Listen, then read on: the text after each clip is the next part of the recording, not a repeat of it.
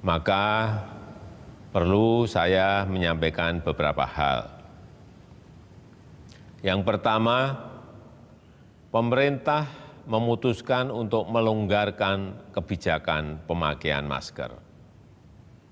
Jika masyarakat sedang beraktivitas di luar ruangan atau di area terbuka yang tidak padat orang, maka diperbolehkan untuk tidak menggunakan masker.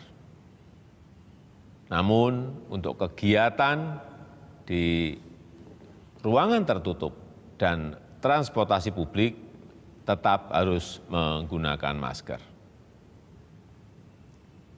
Bagi masyarakat yang masuk kategori rentan, lansia, atau memiliki penyakit komorbid, maka saya tetap menyarankan untuk menggunakan masker saat beraktivitas.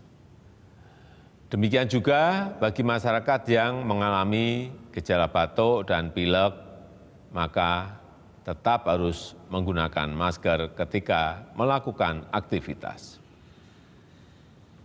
Yang kedua, bagi pelaku perjalanan dalam negeri dan luar negeri yang sudah mendapatkan dosis vaksinasi lengkap, maka sudah tidak perlu lagi untuk melakukan tes swab PCR maupun antigen.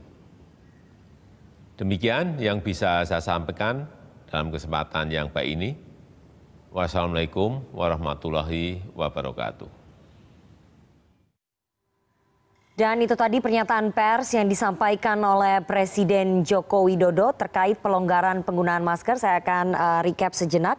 Tadi Presiden Jokowi menyampaikan bahwa pemerintah memutuskan melonggarkan kebijakan pemakaian masker. Jika masyarakat beraktivitas di luar ruangan, maka diperbolehkan tidak memakai masker, sementara bagi masyarakat yang beraktivitas di dalam ruangan dan memakai transportasi publik, maka masih tetap diwajibkan menggunakan masker.